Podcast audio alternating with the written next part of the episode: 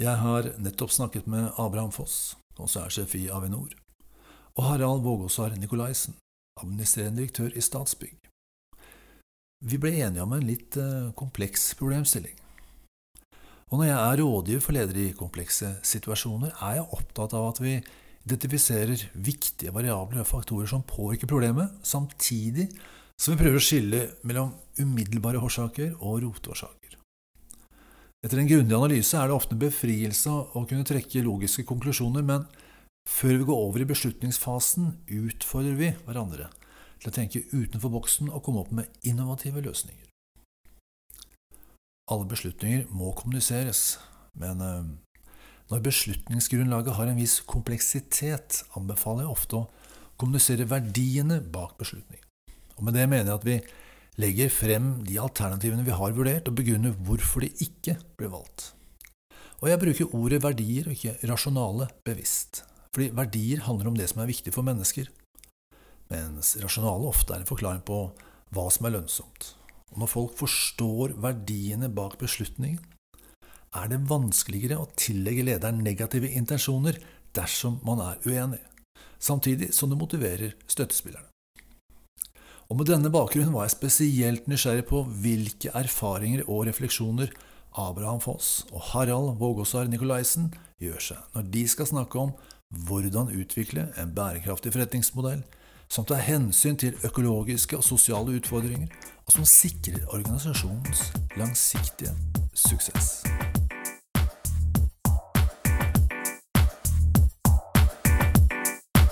Du lytter til I Prosess, spesialister på innovasjonsprosesser og endringsledelse. Mitt navn er Tor Berntsen, og jeg sitter her i biblioteket på Grand Hotell med to interessante gjester. Da vil jeg gjerne starte med å ønske velkommen til Abraham Foss, konsernsjef i Avinor. Takk for det. Abraham, kan du si litt om Avinor, og hva du mener er spesielt viktig i din rolle? Altså Avinor er jo et, eh, et, system som har ansvar for 43 lufthavner i Norge. Ja. Og styringa av eh, luftrommet. Både militært og sivilt. Så det koker jo ned til å koble hele Norge, og koble Norge til resten av verden i daglige operasjoner. Ja.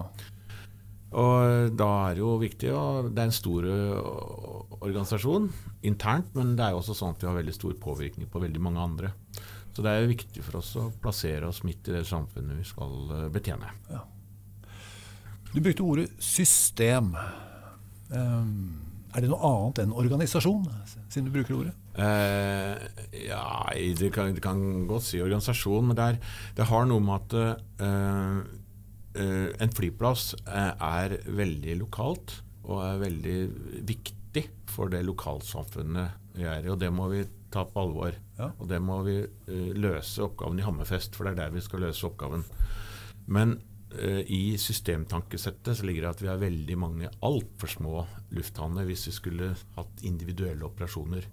Så vi må tenke, uh, tenke, utvikling av kompetanse, teknologi, prosesser, system i form av skala, men allikevel være lokale og løse oppgaven der vi løser, skal løse det. Ja, Pose og sekk, altså. Mm. Nemlig. Ja, ok. Takk. Da vil jeg også gjerne ønske velkommen til vår andre gjest, Harald Vågåsar Nikolaisen, som er administrerende digitør i Statsbygg. Takk for det. Kan du si litt om Statsbygg, og hva du mener er spesielt viktig i din rolle? Eh, det kan jeg gjøre. Jeg syns det er litt interessant, fordi at um, i det Abraham sier, så er det en del likhetspunkter med, med, det vi driver med, faktisk. Altså, Statsbygg skal jo sørge for gode og effektive lokale for at staten skal kunne produsere gode tjenester til innbyggerne.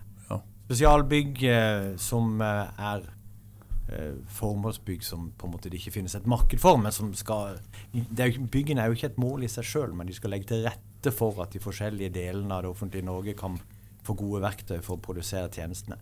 Vi har omtrent 2000 bygg spredt rundt i hele landet de eh, produseres lokalt, men de må være en del av et system. Akkurat. Vi må utvikle kompetanse, vi må utvikle teknologi som gjør at vi kan drifte disse effektivt, ta ut stordriftsfordeler. Vi har en sentral posisjon i byggenæringa. Visjonen vår er jo bygg med mening.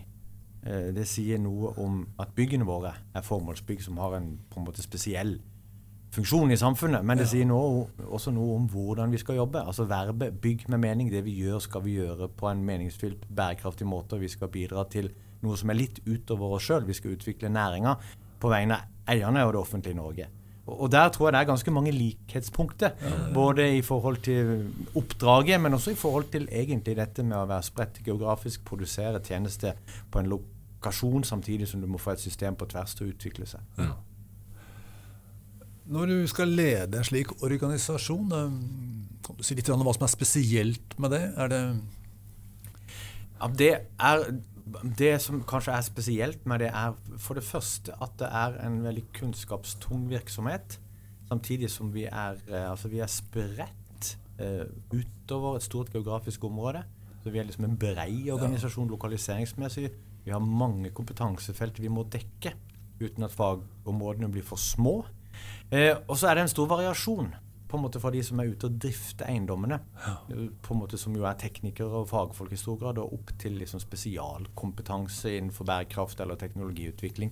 Så det er eh, Vi må få på en måte en struktur som gjør at vi får en eh, felles kultur og en effektiv, eh, et effektivt system, for å bruke Abrahams ord. Samtidig så er det ikke sånn at one size fits all. Det er såpass forskjellig og mangfoldig at det må være en fleksibilitet i det. Akkurat. Og det er jo det er å finne den miksen. ikke sant? Det er jo det som kanskje er det spesielle med denne type organisasjon. Og det at vi er litt, som, som jeg tror Avinor òg er, litt mellom politikk og butikk. Ja. Og vi må også balansere de to tinga. Ikke sant. Mm. Abraham, jeg er opptatt av at lytterne våre blir litt kjent med mennesket bak lederrollen. Kan du eh, fortelle oss én ting om deg selv som gir oss et inntrykk av hvem du er? Som privatperson, mener jeg. Ja, altså jeg, jeg, eh, er veldig Altså mangfold er det jeg ville sagt. Eh, altså mange interesser. Ja.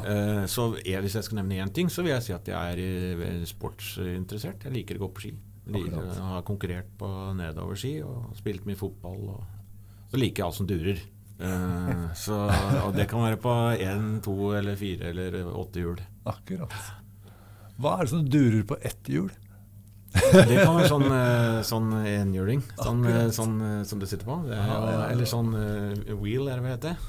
Ja, ja, ja, ja, Jeg husker ikke akkurat hva det heter. Altså, nei, nei, nei. Jeg overdrev nok litt der.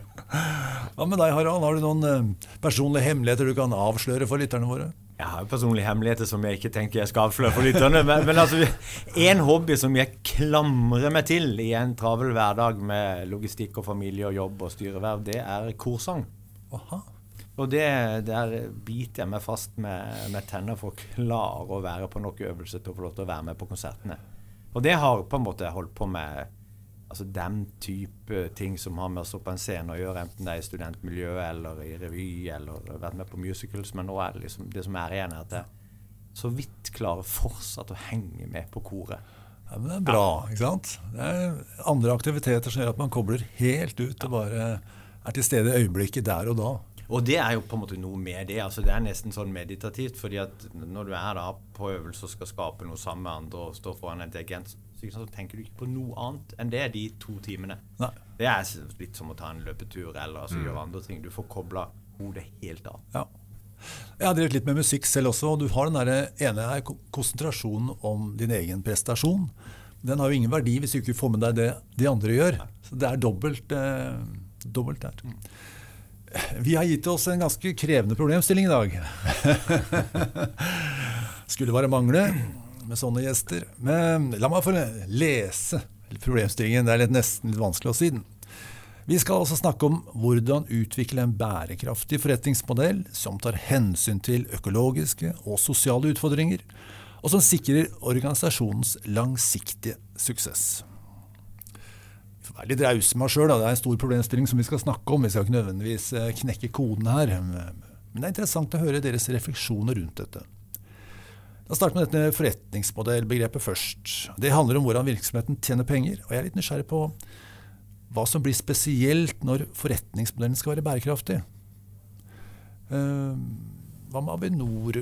Abraham, kan du si litt om hvordan Avinor tjener penger først, kanskje? Også det kan jeg gjøre. Uh, vi har en todeling. Det ene dreier seg om eh, en stor eh, kommersiell aktivitet. Vi har ca. Ja, 6 milliarder i, i inntekter på, som egentlig er en utleiebasert forretningsmodell. Vi, leier, vi er en stor eiendomsbesitter. Og leier ut uh, eiendom og har da en uh, andel av inntekter fra den omsetningen som uh, våre leietakere har. Akkurat. Og det, er det ene delen. Og det er, det er alt fra hotell til taxfree til restaurant til parkering og den type ting. Så har vi Den andre biten er da avgifter til flyselskapene. Ja. Ulike typer avgifter, og det er mye mer fintuna enn det, men liksom det er grovsorteringa. Mm -hmm. Uh, som, da, som, er den andre inntektsmodellen. Og det, For oss, når det gjelder da bærekraftbiten uh, knytta til forretningslogikken, så er så bærekraft er jo egentlig et litt annet ord for langsiktighet. For vi er jo sånn, vi er en system som både leverer her og nå. Ja. Og med, vi har 15 minutter på å brøyte rullebanen, vi har ikke 16. Vi har eh, x, eh, eh, liksom x antall meter separasjon mellom flya, ikke y.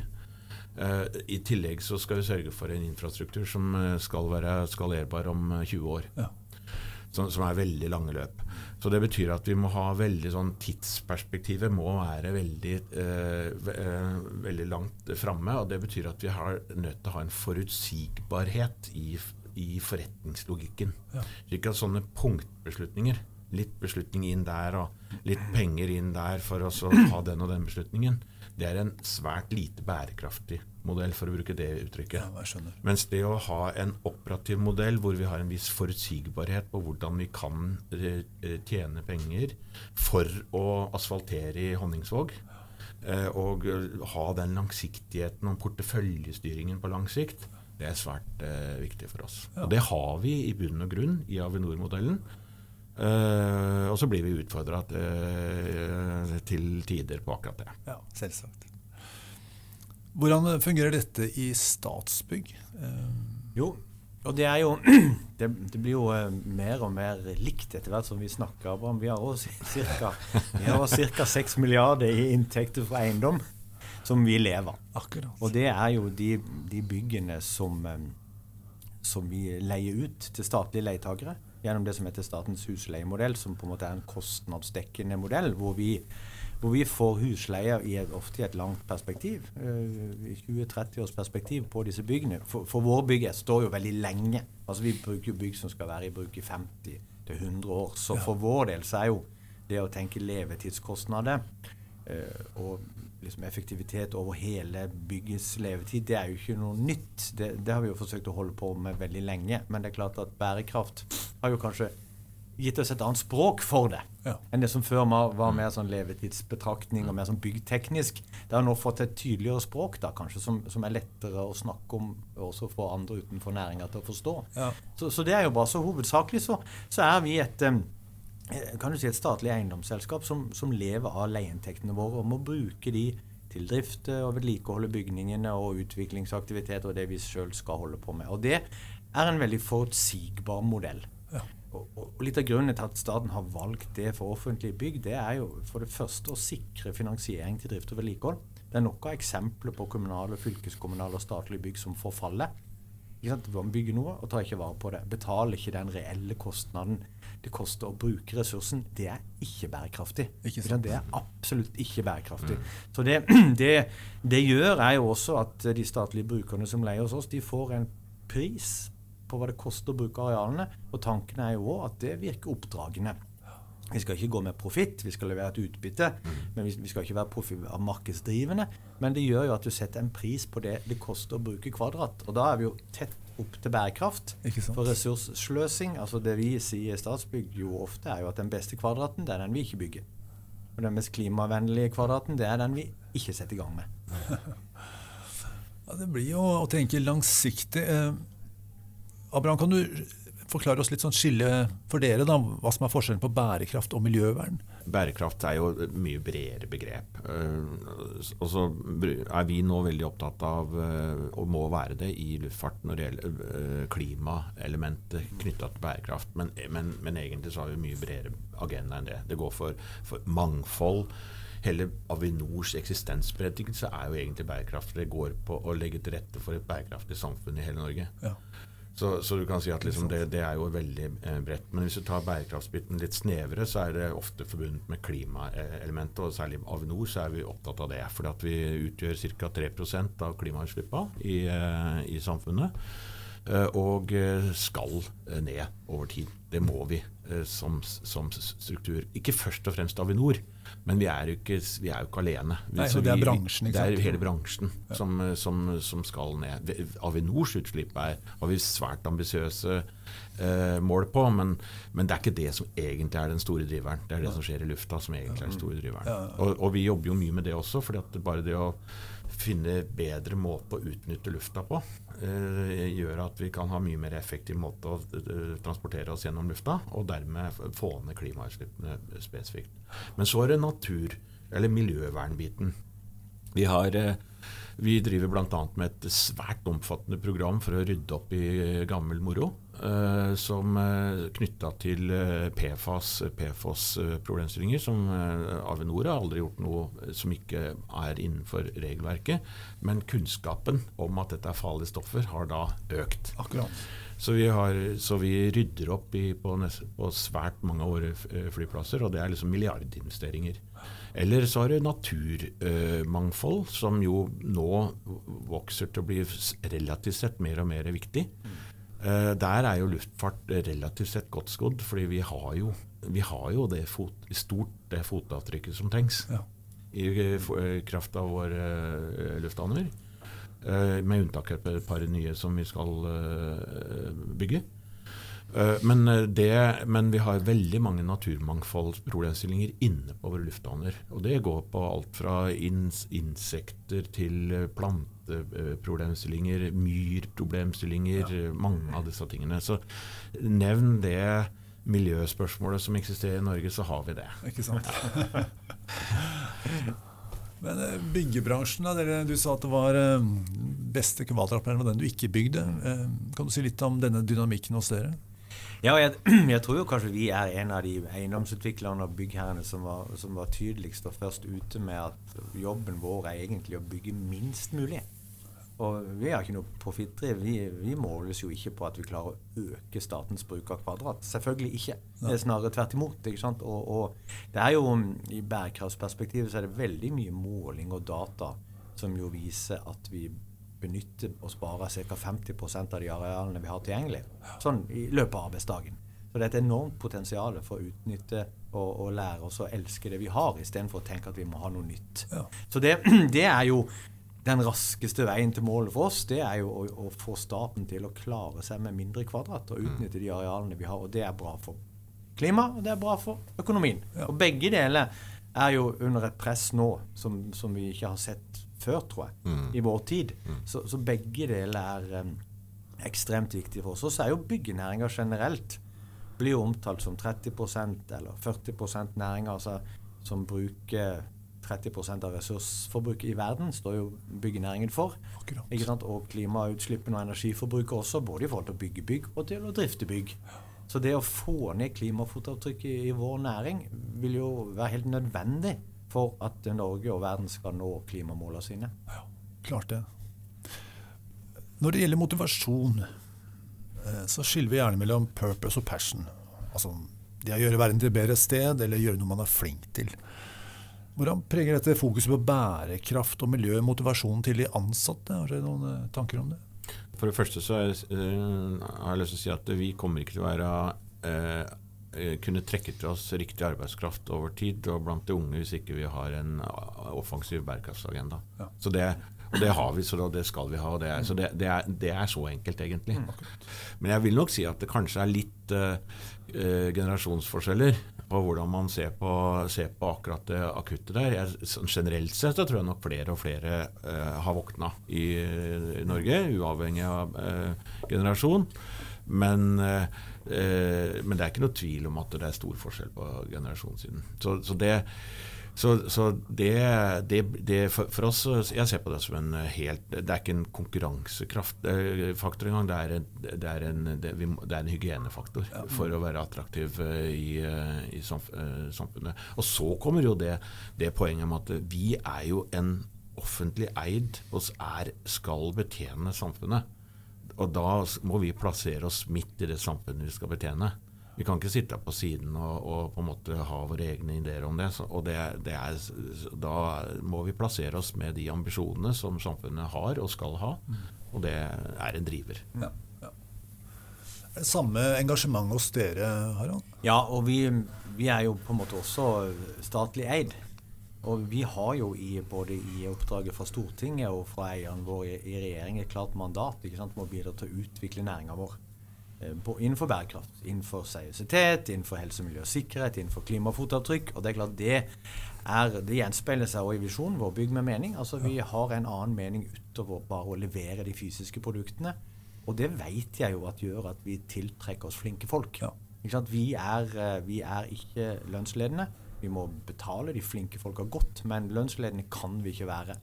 Eh, men det vi kan tilby, er både et mandat, faglig utvikling og kompliserte, interessante oppgaver som gjør at folk velger i veldig stor grad å jobbe med disse tingene. Fordi at de motiverer dem, og fordi at de er gode på det.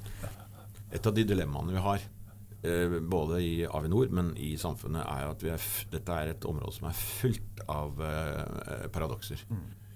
Fordi at, eh, og Det kan vi jo se på, selv om, selv om veldig mange er veldig opptatt av klima så er det jo ikke sånn at uh, folk går av huset for å betale klimaavgift til flyselskapene frivillig. det er ikke sant. Uh, det betyr jo ikke at vi tar konsekvensen av det. Mm. Så det å altså gå fra uh, retorikk og, og, høyttenkende tanker til praktisk handling, der er vi på en reise. Og det gjelder hver enkelt av oss, men det gjelder også det politiske systemet. Ja. Det er fortsatt sånn at det er veldig mange politiske beslutninger som tas på av økonomisk, med økonomisk argumentasjon. Altså har vi penger til det eller ikke? Mm. Uh, og så er det en eller annen rapport som sier noe om klimakonsekvensene. Men det er ikke, det er ikke en vurdering av hvorvidt man bygger det pga. det eller ikke. Og, og, det ser vi ser masse, det er mange så, Og, og det, det, det, må på en måte være litt sånn. Uh, men det kan ikke være sånn over tid. Så det, vi, er, vi, må på en reise. Da tror jeg kanskje taksonomien og EUs uh, Det å forsøke å sette et økonomisk språk på det, er ganske viktig. Hvis ikke så blir det for avhengig av idealisme, og det kommer ikke til å være nok. Altså, jeg følger deg på det med at idealisme eller individuelle beslutninger blir begrensende. Altså Løsning på klimakrisen og, og miljøvern også, sannsynligvis, er strukturell mm. eh, på et eller annet vis.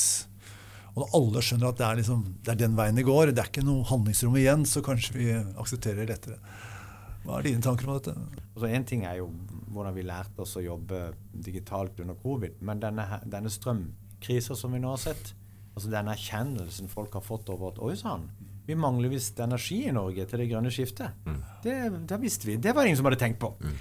Og at prisen At vi nå på en måte må betale en pris for strømbruken som på en måte faktisk reflektere da hva det, hva det koster i et større sammenheng å bruke den energien, det har jo gjort enormt ja. med på en måte enkeltindividets holdning til strømsparing. Vi har jo, vi har jo prøvd eh, i Statsbygg over mange år å få til energieffektivisering med såkalt grønne avtaler. Og altså, vi har sikkert ikke vært gode nok, vi heller, til å få det til og selge det inn. Men uh, litt av utfordringa har jo vært at strømmen har jo ikke kosta noe. Mm. Så sant, insentivet til å gjøre noe har vært så lite. Og i tillegg så har jo vi alle sammen gått rundt i en villfarelse om at i Norge er det nok av vannkraft.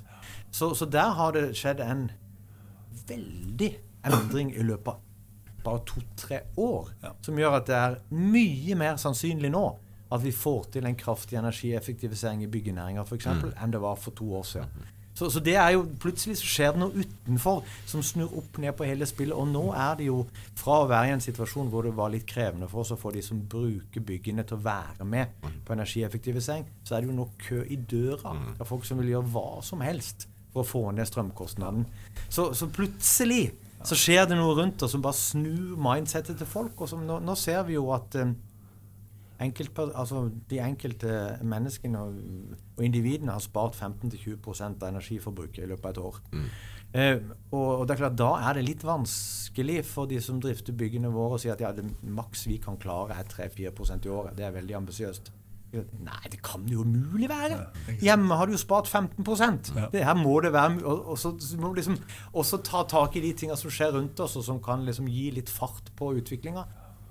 Altså, Atferd må få konsekvenser. Hvis ikke så gjør vi det som er behagelig og enkelt. Det er vel så enkelt som det. Men, jeg, jeg. Men bare, bare til det Abraham sa. Altså, vi står jo akkurat i de samme dilemmaene. Um, og hvis uh, For noen år siden så, så, var det rimelig mener jeg, å si at f.eks. Statsbygg uh, og, og, det offentlige var ledende i forhold til klimainitiativ innenfor byggenæringa. Å bygge klimavennlig og tenke langsiktig. Nå har, som, som du sier, taksonomien, finansieringa og EU gjort at nå er det det kommersielle eiendomsmarkedet som er foran. Vi De får ikke lån mm. hvis ikke de bygger klimavennlig bygg. Mm. Eh, når vi får nye, store prosjekter og ser den prisveksten som vi nå ser der ute, så blir staten en liten sinke. For da blir det sånn at ja, men altså nå sprekker alle prosjektene på kostnader. Vi må ta ned kostnadene. Hva er det vi kan begrense? Da er det virkelig sånn at da kommer det Det koster kanskje litt mer å ta disse klimatiltakene i et 50-årsperspektiv. Det tar vi ikke råd til nå. Så, så der, der, står vi i det dilemmaet hver eneste dag i de store prosjektene hvor prisene går rett til himmel så vi må finne kuttmuligheter. Klarer vi å holde langsiktigheten på bærekraft mm. og la bygge Og det ser vi dessverre at, vi, at det politiske eh, økonomiske handlingsrommet gjør at det får vi ikke alltid til. Altså. Dere er jo begge to toppledere, og i den posisjonen så er det jo altså alltid en dynamikk mellom kortsiktige prioriteringer og langsiktige. Du har nettopp beskrevet noe innenfor bærekraft. Har du noen flere eksempler på utfordringer som vi burde gjort sånn på kort sikt, for det hadde lønt seg, men vi kan ikke gjøre det fordi det er ikke bra på lang sikt? eller... Mm. Jeg har, jeg har, et konkret eksempel i forhold til den situasjonen vi sto i um, i fjor. Ja. Um, vi uh, eh, Knytta til bærekraft. Og det er, gjelder eh, en vesentlig del av Altså 16% av vårt klimautslipp i Avinor det skyldes Det kom på Svalbard pga. kullkraft. Og Der tok vi en beslutning om et biogassanlegg som da gjør at vi kan eh, få ned vårt klimafotavtrykk. Det er da 25-30 millioner. Eh, null inntekter, eh, inntektseffekt, null kostnadseffekt. Pluss minus. Ja. Så, så, det kan du bare ta. Sånn beslutning kan du bare ta hvis du da enten har et strategisk høyt noe på kartet, eller du er villig til å gjøre det. Mm. For effekten av det er til syvende og sist at det egentlig er effekt som da havner på avgiftene. Eh, for, eh, for flypassasjerene. Alt annet, altså marginalt sett. Ja. Men det, det eh, eksempelet der, det er jo en peanøtt i forhold til hva andre ting vi også er involvert i. og som da F.eks. når vi skal bygge en ny flyplass i Mo i Rana, så, så, betyr det be, betydelig utslag. For da må vi, det har store konsekvenser på myr f.eks. Så her er det mange eh, dilemmaer som du velger å ta fordi, du, fordi, vi har strategi for det, fordi vi har satt det på dagsorden. Og da er det riktig å gjøre det. Ja. På kort sikt så er det jo ikke noe, det er bare problemer. Jeg går bare inn i problemer og tar en sånn beslutning. Ja, og det, sånn står vi i daglig. Uh, men uh, det tenker jeg at det, det ligger jo i enhver stor organisasjons uh, Det er lettere for store organisasjoner å tenke strukturelt rundt tenker jeg. fordi at det er så opplagt for en stor organisasjon at hvis du bare tok kortsiktige hensyn, så, det, så ville det vært eh, kroken på døra ganske fort. Så, eh, så, vi, så, vi, må på en måte forholde oss til langsiktige. Samtidig så gjør vi jo et driftsbygg som vi nå beslutta i Stavanger. Det er ikke optimalt for Stavanger. Eh, men eh, effekten av det å, å ikke finne en langsiktig god løsning i Stavanger, det var at vi da fikk midler til å prioritere et vedlikeholdsprosjekt på en annen flyplass også. Så da, kunne jo, da, da kan vi jo velge det langsiktig riktige der. Ja. Eh, men da får vi ikke eh, midler til å gjøre noe som er viktig et annet sted. Så vi står i disse mm. beslutningene hver eneste dag. Ja, ja, klart det. Og jeg tenker, altså bare litt sånn videre på det, så, så er det eksemplene er gode, og det er veldig lett å kjenne seg igjen i. og Vi har også vært inne på det med langsiktig knytta til bærekraft og investeringskostnader nå, knytta til levetidskostnader. og Det er dyrt å være fattig. Mm. ikke sant, Hvis, uh, og, og, så er det i en stor virksomhet også som vår, som er spredt uh, rundt uh, på mange lokasjoner, og som liksom går inn i på en måte ja, har mange deler av verdikjeden med seg så er det jo òg veldig viktig det som du er inne på, at det, det, må være høyt på agendaen. For det er ikke bare, altså det er ikke bare de store beslutningene på, liksom på konsernledelsens bord som har kort sikt og lang sikt. Det er også ganske, de, de sildrer ned i organisasjonen mm. i veldig mange små beslutninger ute som du kanskje ikke ser at står i den konteksten. Eh, hvis du ikke har det tydelig på agendaen, har en tydelig strategi som de ansatte er om bord på og forstår. For, fordi at det, de store beslutningene som kommer på mitt bord, de er ofte en, en, en uh, funksjon av mange små inkrementelle beslutninger der ute som ikke du ser. Ja. Hvis ikke du har ansatt om bord på hvor er det vi skal hen, hva er de langsiktige strategiene, og har en sånn kultur for det. Mm. En liten refleksjon på den. Ja, for, for det er vi, En stor organisasjon har da folk som på en måte er mer det å gjennomføre biten, og så er det en del som er på eh, fagekspertisesiden. Og hvis du da når sitter på fagekspertise, så har du jo selvfølgelig ambisjoner i å løse oppgaven på en optimal måte. Det er, ligger litt i sakens mm. natur. Uh, og, uh, men hvis ikke du da har kobla hele laget til å forstå på en måte rammevilkårene fra topp til bånn, ja. så står du i fare for at uh, fagekspertisen kan velge for gode løsninger. Uh, samtidig så kan det være sånn at uh, hvis ikke du har en god forståelse også på de nivåene, så kan det være sånn at uh, du legger press på fagekspertisen til å velge ikke bare for gode, men, men å trykke gjennom løsninger som overhodet ikke er gode nok. Uh, i, i, i, i, iver etter å spare penger på kort sikt. Så det, så det også, sånn en, en, stor organisasjon har et kjempebehov for å trekke, eller ha med seg hele laget til å forstå mm. konteksten for, eller sammenhengen for hvor, hvordan, man, er vi, hvordan er vi forsøker å finne optimale løsninger, mm. ikke maksimale løsninger. Og, og, og, at det forstås på alle de ulike nivåer hvor beslutninger tas. Mm. Eh, for det, det, kan ikke en toppledelse sitte og gjøre, og det kan ikke skje av seg selv, selv ute. Det som, er, det som, er, litt interessant, men det er også fordi at vi tenker jeg jo at noen ganger så syns vi det er krevende at vi jobber i hele verdikjeden. Altså på en måte vi, vi skal utrede og drive konseptvalg for å finne ut trenger vi et nytt bygg eller ikke. og Så skal du planlegge, så skal du bygge det, så skal vi drifte det i 50 år, og alt henger sammen med alt. Altså Det hadde kanskje vært en lettere hverdag hvis vi bare fikk et oppdrag, levert til det, bygg og dro igjen. Men da mister du jo muligheten. Det er mer krevende, men det er også mye mer interessant. For du mister muligheten til å ta de der lange dragene og virkelig prøve å tenke langsiktig også i de små inkrementelle, kortsiktige beslutningene. Men da er det jo helt I hvert fall jobber vi veldig mye med det. at Da er du helt, er du helt avhengig av en god prosessdesign. Altså Du må jobbe i prosess i virksomheten. Og det må være klart hvem som eier prosessen, hva som er outputen, hvem som bestemmer hvor prosessens mål Altså Du må prosessorientere organisasjonen hvis du skal få til det effektivt. Og det er jo noe som ledelsesmessig er både interessant og krevende. Mm. Det vil jeg tro. Jeg regner med at det er ganske mye av deres hverdag som går på å, å si, begrunne eller eh, involvere folk i grunnlaget for beslutningene, slik at de skjønner hvilke altså Ikke bare 'her er problemet, her er løsningen', men når vi velger løsning, så er det eh, et verdigrunnlag bak. Da. Det er en balansert beslutning. Mm. Kort og lang sikt til miljøvern, mm. effektivitet, økonomi og ja. Mm. Kan du ja. kommentere det? Ja, jeg, jeg, er kanskje... jeg, er veldig opptatt av det, men jeg syns det er kjempevanskelig. Rett og slett. Ja. Uh, fordi at det er um, For det første så har du problemstillinger som går på at involvere organisasjon blir ofte forstått at jeg er ikke blitt spurt, så derfor så er jeg ikke involvert. Så med andre ord den representativiteten. Hvem, hvem er det som representerer, eh, på en måte? Det er en, problemstilling. Uh, og den, eh, den, andre Så det går liksom både på å skape Eller det går både på å skape generell forståelse, som er mer sånn generisk. Da når du ut til noen, men du når ikke ut til alle, for da blir det litt sånn uh, tåkefyrste.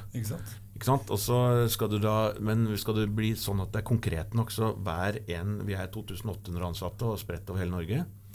Og skal du ha liksom forståelse på en som sitter operativt på en flyplass, så er det klart det er ganske så nære ting man er opptatt av, og det skal det være. Og da er det vanskelig å nå, nå helt ut. fordi at skal man da nå ut, ut så må det være veldig konkret. Og blir det veldig konkret, så mister du litt av det store bildet.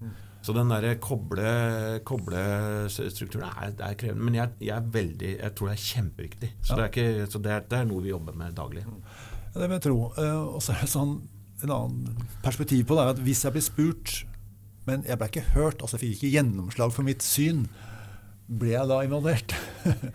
Eller ble jeg ignorert? Altså, det, sånn at man kan få Det er, veldig, det er jo forskjell på, eh, på en måte å bli, å bli hørt og, få det som man vil. Ja, ikke sant? Og det sier seg selv at det er eh, Du kan ikke alltid få begge deler. Nei. Men det er, og, og, du kan ikke heller, og, du, og du kan ikke heller alltid forlange å bli involvert, fordi at du må også ha tillit til at andre av dine kollegaer tar kloke beslutninger uten at du er med på det. Ja. Eller så blir det veldig vanskelig. Det er helt altså Jeg kommer inn på det, jeg er helt enig i tillitspoenget. Fordi at det er, øh, og du, du nevnte prosess, som jo er egentlig en annen, et helt annet utgangspunkt enn det som vi organiserer de fleste bedrifter rundt, nemlig organisasjonsstruktur. Det er noe, som, for organisasjonsstruktur er jo egentlig å dele inn ansvar. Uavhengig prosess. Så oppgaven betyr jo prosessbiten, og da må du skape den der tillitsdimensjonen. Sånn at du må på en måte ha en erkjennelse eller erfaring eller opplevelse av at du er en del av det laget, eller en del av det på en måte å bli hørt, selv om ikke du personlig er med på alle dialoger.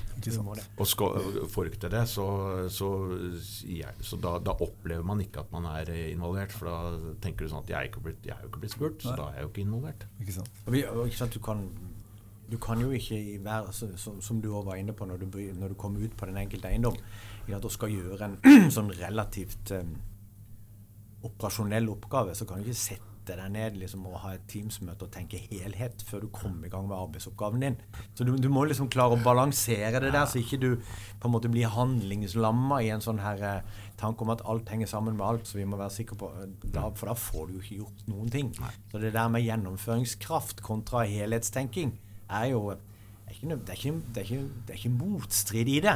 Eh, Fordi at Hvis du har en god helhetstenkning, så får du gjennomføringskraft. Men, men du må bare gjøre det på en klok måte. Da. Og Det er det som er krukset her. Hvordan, hva, er, hva er den beste måten å gjøre det på? Dette med bærekraftig forretningsmodell kan jo kreve investeringer i innovative løsninger og teknologier. Eh, jeg er litt nysgjerrig på byggebransjen først, for jeg har, eh, jeg har hørt rykter om at dere har fått kjeft fordi dere ikke har vært innovative nok. Er, det, er det sant? Det er, det både sant og ikke sant. Altså, Byggenæringa er, er jo Norges eh, største fastlandsnæring. Eh, og er kanskje først og fremst kjennetegna ved at den er fragmentert. Ja. Den driver med å bygge alt folk trenger overalt i hele Norge hele tida. Stort og smått. Så det er klart at du kan ikke forvente samme måling på innovasjon og, eh, og produktivitetsøkning i byggenæringa generelt som du kan gjøre på en måte på verftsindustrien, som driver med serieproduksjon. På, på et lokal. I byggenæringa er jo kjennetegnet med at hver gang så bygger du noe du ikke har gjort før, med folk som ikke har samarbeida før. Ja. Så, så, så, så det er klart at det å få til innovasjon strukturelt på tvers av næringa er mer krevende enn i andre næringer. Men det betyr også at det er et enormt potensial der. Og så så det, er, det er både sant og ikke sant. Det skjer veldig mye bra innenfor byggenæringa. F.eks. på prefab og, den type montasjeeffektivitet og sånn. Og så, så er det et potensial også for å bruke teknologi, og særlig standardisering i mye større grad. Vi vi har jo f.eks. som vi, som vi syns er et veldig godt eksempel på å bygge fengselet. Hvor vi har tatt ned kostnaden på å bygge fengsel med 20 Mm. Så som vi sier til Justisdepartementet at hvert femte fengsel derfor nå er gratis. Vær så god. og, og, og det er to, det? Men det handler ikke bare om teknologisk standardisering. Nei. Det handler om prosessstandardisering. altså Det å gå sammen med de som skal drifte dette, altså kriminalomsorgen, og bli enige om hva er det som er kjernefunksjoner. Hvordan skal et fengsel eller en flyplass eller whatnot se ut? Hva skal den prestere? Og hvis du, Da kan du kanskje slippe et halvår med brukerinvolvering og forskjellige løsninger hver gang, og du kan få driftseffektivitet ut også på brukersida. Og da Sånt responderer byggenæringen på. Hvis vi bygger fengselet ganske likt hver gang, så blir risikoen mindre. Prisene går ned, leverandørene er forberedt på hva som kommer, de kan spesialisere seg, og de kan ta ut gevinsten i sin verdikjede. Da får vi det til. Ja. Så det er gode eksempler på det, og så er det fortsatt et enormt potensial. Ja, jeg skjønner. jeg skjønner.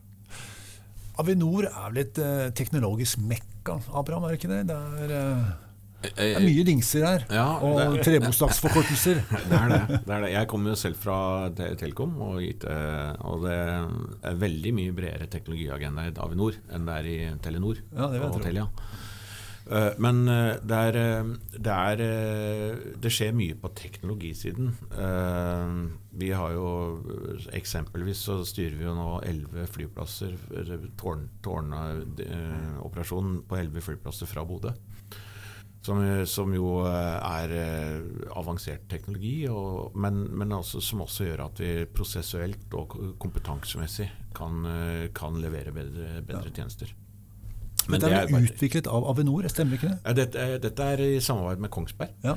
og, og, og Indra. Som, eh, så, så vi har eh, Så det er eh, Og det er opprinnelig mili- militærteknologi som ligger i bunnen. Mm. vi har Men det er ett eksempel. Vi jobber med veldig mye automasjon. altså Rulletrappene.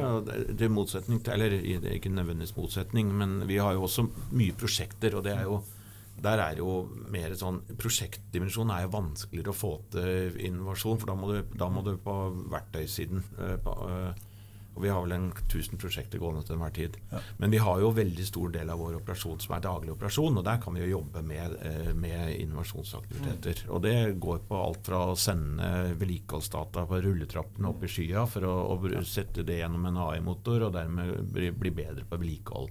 Eller å forstå passasjerstrømmene våre bedre.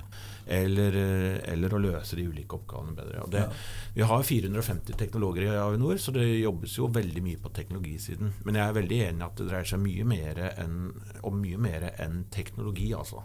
Det er, eh, det er, eh, og en av de utfordringene jeg tror vi kanskje har større utfordringer, som er litt vanskeligere i et offentlig system, selv om det fullt ut er mulig, det er å få til gode partnerskapsmodeller. Og mye innovasjon av litt større eh, drivkraft dreier seg jo egentlig ikke Det dreier seg veldig om å sette, se på verdikjeden med helt eh, Altså zoome ut og se på verdikjeden med helt nye øyne, og se på hvordan kan vi sette sammen verdikjeden på en annen måte.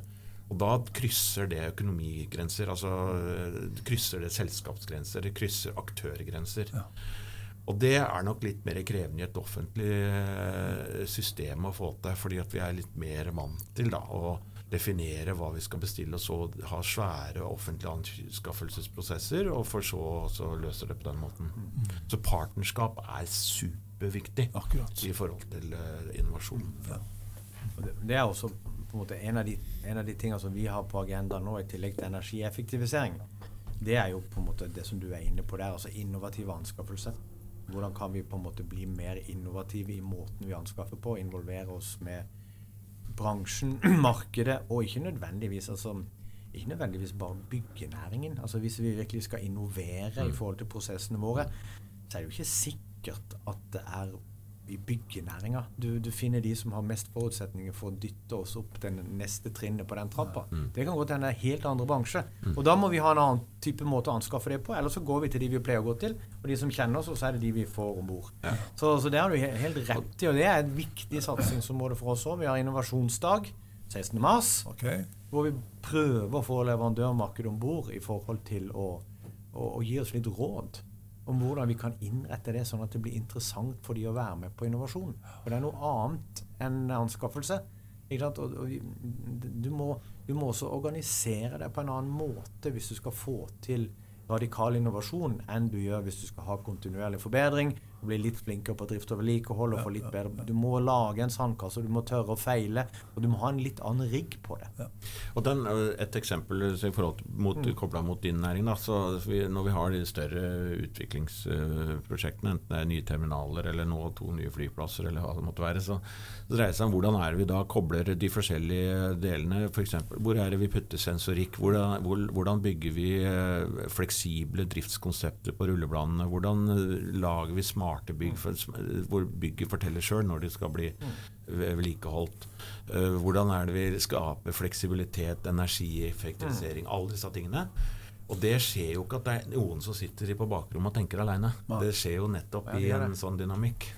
Det, så der har vi kjempebehov for å koble laget med deres Ja, eh, har bransje. Ja, helt enig. Og det er klart hvis, vi, hvis vi spør de som leier Uten at det er noe feil med, med den gjengen, altså, men de som selger stillas og lifter Hvis vi spør de hvordan vi skal innovere besiktigelse utvendig av bygg, så får vi noe andre svar enn hvis vi spør en droneoperatør. Ja. Ikke sant? Ja, det er klart. Selvsagt.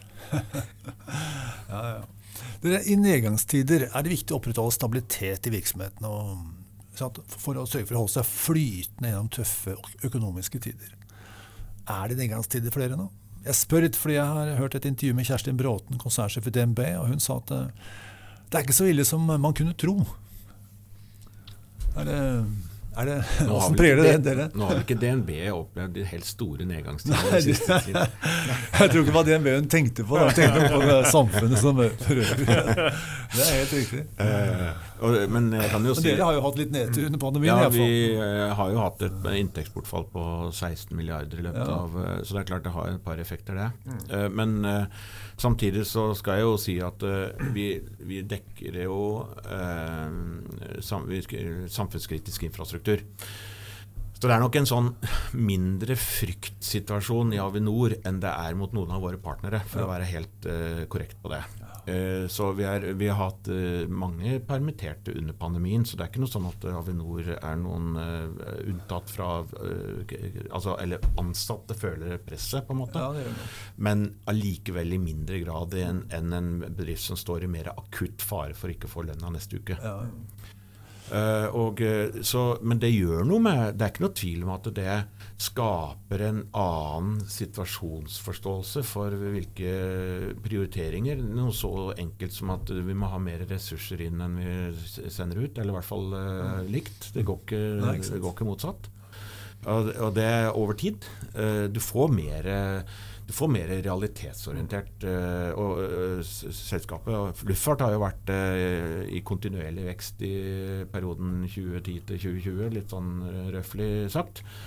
Eh, og det er klart at da blir du vant til å forvente at det går oppover. ja. ja, ja herregud, det er lang Eh, tid. og det, det, alle tenker sånn. Ja. og eh, det har vi nå fått realitetsorientert oss sjøl på. Ja, det er klart. Ja, det er, vi, vi står jo litt altså, eh, Jeg opplever at for oss er det, og, tror for byggenæringa, litt sånn paradoksal situasjon. Altså For Statsbygg sin del så har vi aldri hatt et høyere aktivitetsnivå. Altså Investeringsnivået vårt er rekordhøyt. Det er på 12, over 12 milliarder. Og det er jo langt over det vi noen gang har hatt før. Så ut fra det perspektivet så har vi på en måte aldri hatt så mye å gjøre som vi har nå. Det er jo konsekvensen av, av på en måte beslutninger med lang ledetid. Det er jo ikke noe tvil om at offentlig pengebruk skal ned. Sånn at det på en måte det blir færre igangsettinger, og kanskje staten har råd til å satse mindre på å utvikle offentlig sektor innenfor infrastruktur enn de har hatt til nå. Men for oss så er jo liksom ledetiden på dette så lang at vi har jo full spiker i mange år enda Akkurat. før dette blir et reelt problem for oss. Men det vi merker som er ekstremt krevende, det er jo at pga. covid, pga. krigen i Ukraina, pga. markedssituasjonen, så har jo prisen på byggevare og, og innsatsfaktorene til oss gått rett i taket. Akkurat. Og det er enormt krevende for våre folk, for våre organisasjoner, for våre eiere. Fordi at det blir ikke priskompensert. ikke sant? Og da er det eneste alternativet du har, det er jo å kutte. Og det er veldig mye lettere sagt enn gjort. Og det er klart det er et enormt press på ansatte hos oss nå for å få ned kostnadene og finne smartere måter å kompensere for en prisstigning som man ikke kan laste Statsbygg eller prosjektnivået for. Det er bare en ekstern faktor, men det er veldig krevende. Mye mer krevende, tror jeg, enn vi, en situasjon vi noen gang har stått i. Så der merker vi det ekstremt godt. Og så er det klart at de som leier bygg hos oss, merker også at energiprisen går opp. Og at uh, husleien tar en større andel av driftsbudsjettet. Og det, er tøff, det blir tøffere tider. Så det merker vi veldig, Akkurat, ja, veldig ja. tydelig. Og, og så er det sånn at i næringa vår så, så er det også en veldig sånn todelt sak. Altså de som jobber med hytte og hus, de mister jobben. De som er tidlig i verdikjeden, som arkitektene, de ser at permitteringene kommer. Mens de entreprenørene og en del andre virksomheter som har ganske lange ledetider på oppdragene sine, har foreløpig nok å gjøre. Og det koker jo i arbeidsmarkedet. Så kompetente folk som mister, mister jobben eller sant, går til olje og grønn energi, og lønningen er på vei oppover. Så selv om vi ikke har på en måte kutt i arbeidsomfanget vårt, så, så er det egentlig på mange måter en ekstremt krevende situasjon likevel. Ja. Det er kanskje ikke så mye nedgangstid som det er et skifte. Um, Abraham, hvis alt går slik du ønsker de neste seks månedene, hva har du oppnådd da? Altså Vi eh, lever av daglig drift. Vi skal få flya til å lette og lande. Eh, Så For det første så har vi da en eh, regulær drift. Det er liksom det, det poenget. Ja. Eh, Det andre, eh, det andre poenget sånn ut fra, fra ledels, lederrollen, da. eh, Det, det er å sikre at vi har en langsiktig operativ modell, bærekraftig økonomisk modell, som er under press. Nå, og da om et halvt år, så må vi ha mer forut, eller så har vi kommet lenger i forut, for, forståelsen av at vi har den langsiktige bærekraften. For nå har vi litt for lite langsiktig bærekraftsforståelse i vår, eh, vår modell. Ja. Og det, det, det trenger vi å Vi trenger å ta skritt der. Jeg skjønner. Harald, hvis alt går slik du ønsker de neste seks månedene, hva har du oppnådd da? Det er to ting jeg vil, trekke fram som er viktig for meg, og som er viktig for hele, hele Statsbygg. Det ene er at vi har et, en enorm satsing nå på energieffektivisering. Som vi skal rulle ut i eh, 2023 med målsetning om å spare energi på byggene våre i en skala vi aldri før har gjort. Det, kommer, det er krevende for hele organisasjonen, fordi det kommer i tillegg til alt annet. Og vi ansetter ikke ekstra folk for å gjøre dette. Så hvordan vi skal få pusla dette sammen og oppnå reelle resultater, det er eh, Hvis vi får til det i løpet av de neste seks månedene, så sparer vi klima og samfunn og kostnadene for brukerne våre. Så, så det håper jeg at vi lykkes med. Og så har vi en del store prosjekter som er en krevende situasjon på kostnadssida, og vi må bli enige med eiere og brukere om hva som er bærekraftig budsjett og konsept for å få de prosjektene gjennom. Har vi det landa til høsten, så er jeg også veldig fornøyd. Jeg skjønner at dere har nok å gjøre begge to. Da er vi nødt til å avslutte. Hensikten med denne refleksjonen er økt bevissthet. For vi tror at det du er bevisst, kan du gjøre noe med. Og det du ikke er bevisst, gjør noe med deg. Da sier jeg takk til våre gjester, Takk takk til våre lyttere, og på gjenhør. Hei, det er Tor Berntsen her. Jeg vil gjerne ha din oppmerksomhet litt til. Jeg har nemlig noe du trenger. Som du vet, jobber vi med lederutvikling. Og tradisjonelt har det vært å utvikle ledergrupper eller gjennomføre lederprogram på konferansehotell. Gjerne kombinert med coaching på ditt eller mitt kontor. Det gjør vi fortsatt. Men nå har vi online lederprogram, som gjør at du kan utvikle deg selv og dine ledere uten en ekstern konsulent, eller med bare litt støtte. Hva betyr det for deg som leder? Jo, to ting. Du kan utvikle mange mennesker samtidig, og prosesser som tidligere ville tatt mange år, kan gjennomføres i løpet av uker og måneder. Det andre er kostnadsbildet. Det kan reduseres med 90% eller du kan få ti ganger så stor gjennomslagskraft til samme pris. Mulighetene er mange. Gå til iprosess.no, eller enda bedre, ta kontakt på post at iprosess.no. Så kan vi avtale en prat om hva som passer for deg og din virksomhet. Vi snakkes.